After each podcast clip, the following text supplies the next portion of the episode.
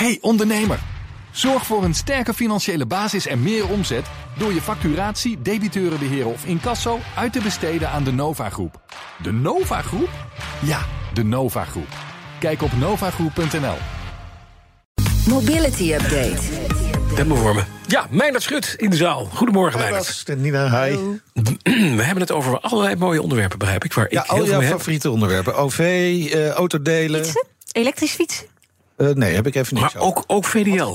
Ja, VDL eh, Group. Ja, Dus gaat, niet VDL Netcar, maar VDL Group. Groep gaat voor waterstof. Ja, eh, VDL gaat daarvoor samenwerken met Toyota... in de ontwikkeling van waterstofvrachtwagens. Hey. Ze willen samen de brandstofceltechnologie die we kennen... van bijvoorbeeld de Toyota Mirai... hè, die willen ze geschikt maken voor zero-emission vrachtwagens. Nou, we weten natuurlijk al langer dat Toyota eigenlijk... stiekem meer hel ziet in waterstof dan in batterijen. Batterijen, Eh, met personenauto's gaan ze nu langzamerhand toch overstag... Hè, naar eh, Battery Electric Vehicles... Uh, maar Toyota Motor Europe die ziet nog altijd veel, grote, eh, veel potentie in het gebruik van waterstof, uh, waterstof om, Grote, grote dingen, hè? ja, om de logistiek emissie uh, vrij te maken. Ja, ja. Het is natuurlijk ook een stuk lichter hè, waterstof dan een batterij uh, accu's in, je, in je vrachtwagen. Het betekent simpelweg ook dat je gewoon in je vrachtwagen meer kunt meenemen. Nou, VDL Group wil tegen deze zomer al, dus dit jaar al, de eerste brandstofceltruck bouwen met behulp van Toyota. In het najaar moet dan de productie flink op gang komen. Toyota wil zelf de trucks ook inzetten voor de eigen logistieke routes binnen Europa. En uh, Toyota verwacht ook dat de inzet van de brandstofceltrucks gaat bijdragen aan de ontwikkeling van een infrastructuur voor waterstof, zodat je dus Ja. het veel meer toepassingen Dat zou Mooi, makkelijk zijn. waar- want ik wou vragen, waar gaan ze denken? Ja, daar is wel ontwikkeling in. Hè. In Hmm. Duitsland zet daar wel behoorlijk op in. Op veel meer waterstoftankstations. Nederland komt het nu eindelijk ook een Zijn er beetje nu op gang. 13 of 14 geloof Ja, zoiets. En, eh, maar goed, toen ik voor de eerste keer met een waterstofauto reed, toen waren er drie. moest je naar Groningen? En ik ben ook een keertje helemaal naar, naar Rotterdam gereden om, uh, een, om te tanken. En toen kwam ik daar, toen was hij dicht. Ja, op de laatste, de laatste Met fumes ben ik toch teruggereden Ja? naar uh, Hyundai. Toch link. Ja. Is verleden tijd. En het komt erin, want ook, en dat vind ik wel opmerkelijk, Siemens Ja. wil trein op waterstof laten rijden. Maar wacht even, hallo, die dingen hebben toch elektromotoren en bovenleidingen? Ja, nou, op, op, op veel gebieden wel natuurlijk. Hè. Zeker in Nederland is bovenleiding wel koning. Toch heeft ook 15% van het Nederlandse spoorwegnetwerk geen stroom. Dat is een dikke 570 kilometer aan uh, spoor. Daar wordt dus met dieseltreinen gereden over het algemeen.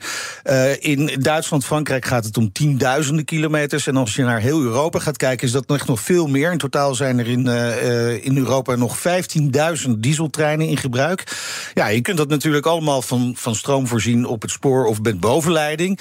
Maar dat is hartstikke duur. Hè? Dat, is, dat kost ongeveer 500.000 euro tot wel anderhalf miljoen euro per kilometer om bovenleiding aan te leggen.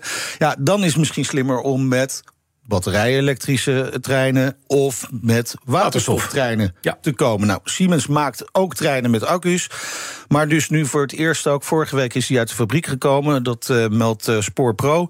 Uh, en uh, Siemens gaat dit jaar nog testen met een waterstoftrein in de deelstaten Beieren en uh, Baden-Württemberg. En in 2024 moet dan de waterstoftrein op een aantal trajecten echt in de dienstregeling worden meegenomen. Precies. Draagt ook weer bij aan die waterstofeconomie, hè, die toch langzamerhand. Ja, ja, is niet gek. Wel, uh, een beetje. Ja, en het punt is, je neemt met waterstof natuurlijk gewoon toch hetzelfde een beetje als een, als, als een tank in een auto mee. Ja. Uh, zei het dat die motor niet de motor is, maar het is een elektromotor met fuelcel. Hè? Ja, dat, is, dat is het verhaal. En je moet het nog wel produceren natuurlijk. Ja, dat, dat is nog even dat, de pijn. Uh, en dat is het, op een duurzame manier. Het hele gek is, iedereen zegt er, ook het ministerie van INW zegt, ja nee, we zetten in op, op alle alternatieven, maar met name op elektra. Ja. En dan denk ik altijd, ja, kijk nou even verder, kijk ook naar waterstof. Ja, en, ja moeilijk, moeilijk, moeilijk.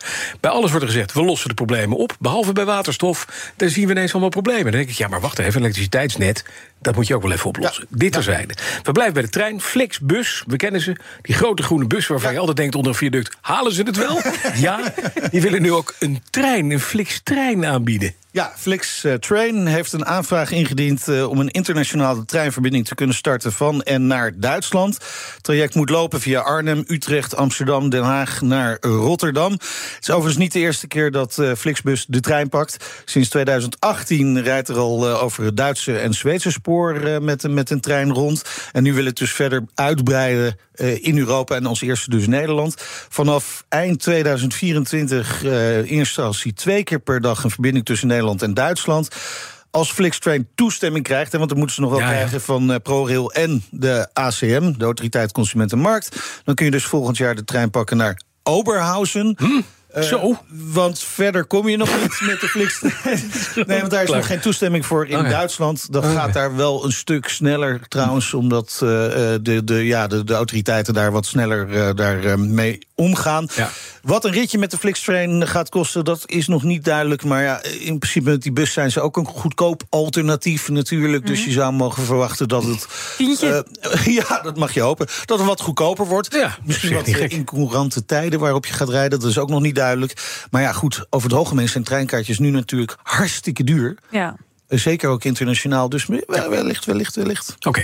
En dan nu een aflevering van Sprookjes voor de Jeugd door Meindert Schut. Meindert. De grote meerderheid van de ondernemers verwacht in de toekomst dat ze meer in gaan zetten op autodelen. Dat is een sprookje. Wie zegt dit? ANWB Zakelijk. Die eh, concludeert dat uit een, eh, Ja. een onderzoek naar Ja. deelmobiliteit. Geloof jij dit? Eh, nee, Nee. nee. Ja, Maar- ik geloof dit dus wel. Oh, ja? Hier zit nog een jonkie die gelooft in sprookjes. Echt? Ik ga niet mijn auto delen, maar ik geloof wel Ja, dat veel anderen het wel gaan Ni- doen. Nina, waar dit altijd eh, om gaat, is dat eh, eh, zo'n vraag staat vaak in zo'n onderzoek: overweegt u? En dan zeggen mensen: ja, Oh. ik overweeg het wel. Maar meestal doen ze het dan vervolgens niet. exact dat. Hè, en, eh, eh, maar uit dit onderzoek zou blijken dat 66% van de ondernemers eh, eh, verwacht die stap te zullen zetten richting autodelen. Hè, of de termijn waarop dat gebeurt, verschillende meningen nog wel. Eh, de meeste ondernemers zien dat tussen de drie en de vijf jaar gebeuren. Het gaat om 25 procent. bij deelmobiliteit gaat het dan ook over, eh, niet alleen over auto's, maar ook fietsen, bakfietsen, scooters en zo. En ze voelen zich vooral gedwongen eigenlijk om naar dat autodelen toe te gaan.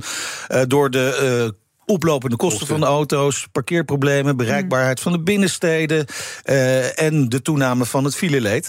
Nou, overigens komt uit het onderzoek ook nog wel een opvallend verschil naar voren tussen MKB-ondernemers en ZZP'ers. Want bij eh, MKB'ers verwacht driekwart meer te zullen inzetten op deelmobiliteit. Die zeggen dus. Ik rij gewoon met mijn auto, maar mijn medewerkers die mogen lekker auto's gaan delen. Terwijl de ZZP'er, daar is het 50% Dus de jonge ZZP'ers die gaan allemaal auto delen. En de wat oudere ZZP'ers, Bas en ik. Houden er voor zichzelf. Nee, zo ik is zei dat. al, ik ga mijn auto niet delen. Nee, dat bedoel ik. het niet, maar ik dat denk wel. wel dat heel veel mensen het wel gaan Oude doen. ZZP'er. Nog Ja. even. Mij nog even naar Rijkswaterstaat. Afgelopen winter meer zout gestrooid dan het jaar daarvoor. Terwijl er gewoon niks aan de hand was, dacht ik. We, we zijn bezig met de lente en de zomer, hè, die hopelijk ooit eh, gaat komen in Nederland. Het is nu weer herfst, maar oké. Dus een beetje gek om het nu over strooisout te hebben. Eh, overigens hebben ze het zelf over het gladheidsseizoen, hè, 1 oktober tot 1 mei. Dus het is eigenlijk Mhm. net afgelopen. Ehm, blijkt uit cijfers, die hebben ze naar buiten gebracht. Het, het was inderdaad een milde winter. Hè. De strooiwagens zijn 23 keer uitgereden. Dat is minder dan het jaar daarvoor. Dan denk je inderdaad, wordt minder zout gestrooid. Nee. Nou, dat dus niet. Er werd ruim 91 miljoen kilo zout op de wegen gekwakt. Dat is 50 miljoen kilo meer dan het jaar daarvoor. Hallo? Nou, heeft dat te maken met een aantal dagen sneeuw en flinke ijsel die we hebben gehad. KNMI gaf ook vier keer eh, code oranje af voor gladheid. Eh, nou, is die 90 miljoen kilo wel in lijn met het meerjarig gemiddelde. Dus. Mhm. eigenlijk was het jaar daarvoor extreem weinig. Eh, overigens heeft Rijkswaterstaat 250 miljoen kilo zout Liggen. op voorraad normaal. Dus ze moeten nu Geen wel zorgen. even, even 90 Strooien. kilo, miljoen kilo kopen ergens. maar we hebben geen zorgen. Nee, dat is behalve voor je. Dat is Jij, wel jij fijn. hebt toch ook een slippertje gemaakt eh, begin dit jaar? Op de weg, hè? Ja, dat klopt, ja. Maar dat was een heel klein dingetje, maar dat was wel... dat Ja, maar het was oh, toch wel Even dacht, oh, glad. het is glad. Ja. Ja, ja. dat, was, nee, dat, was, kwam omdat er net niet gestrooid was. Oh. Dat is Jammer. dan weer jammer. Geen Dankjewel. winterbanden. Jawel. Oh. Nee, ik heb, nee, ik heb voor, voor seasons. Dat werkt ook. Mijn hotel Dankjewel, maar dat is goed. BNR Mobility Update wordt mede mogelijk gemaakt door ALD Automotive en BP Fleet Solutions. Today, tomorrow, together. Hey ondernemer, zorg voor een sterke financiële basis en meer omzet door je facturatie, debiteurenbeheer of incasso uit te besteden aan de Nova Groep. De Nova Groep? Ja, de Nova Groep. Kijk op novagroep.nl.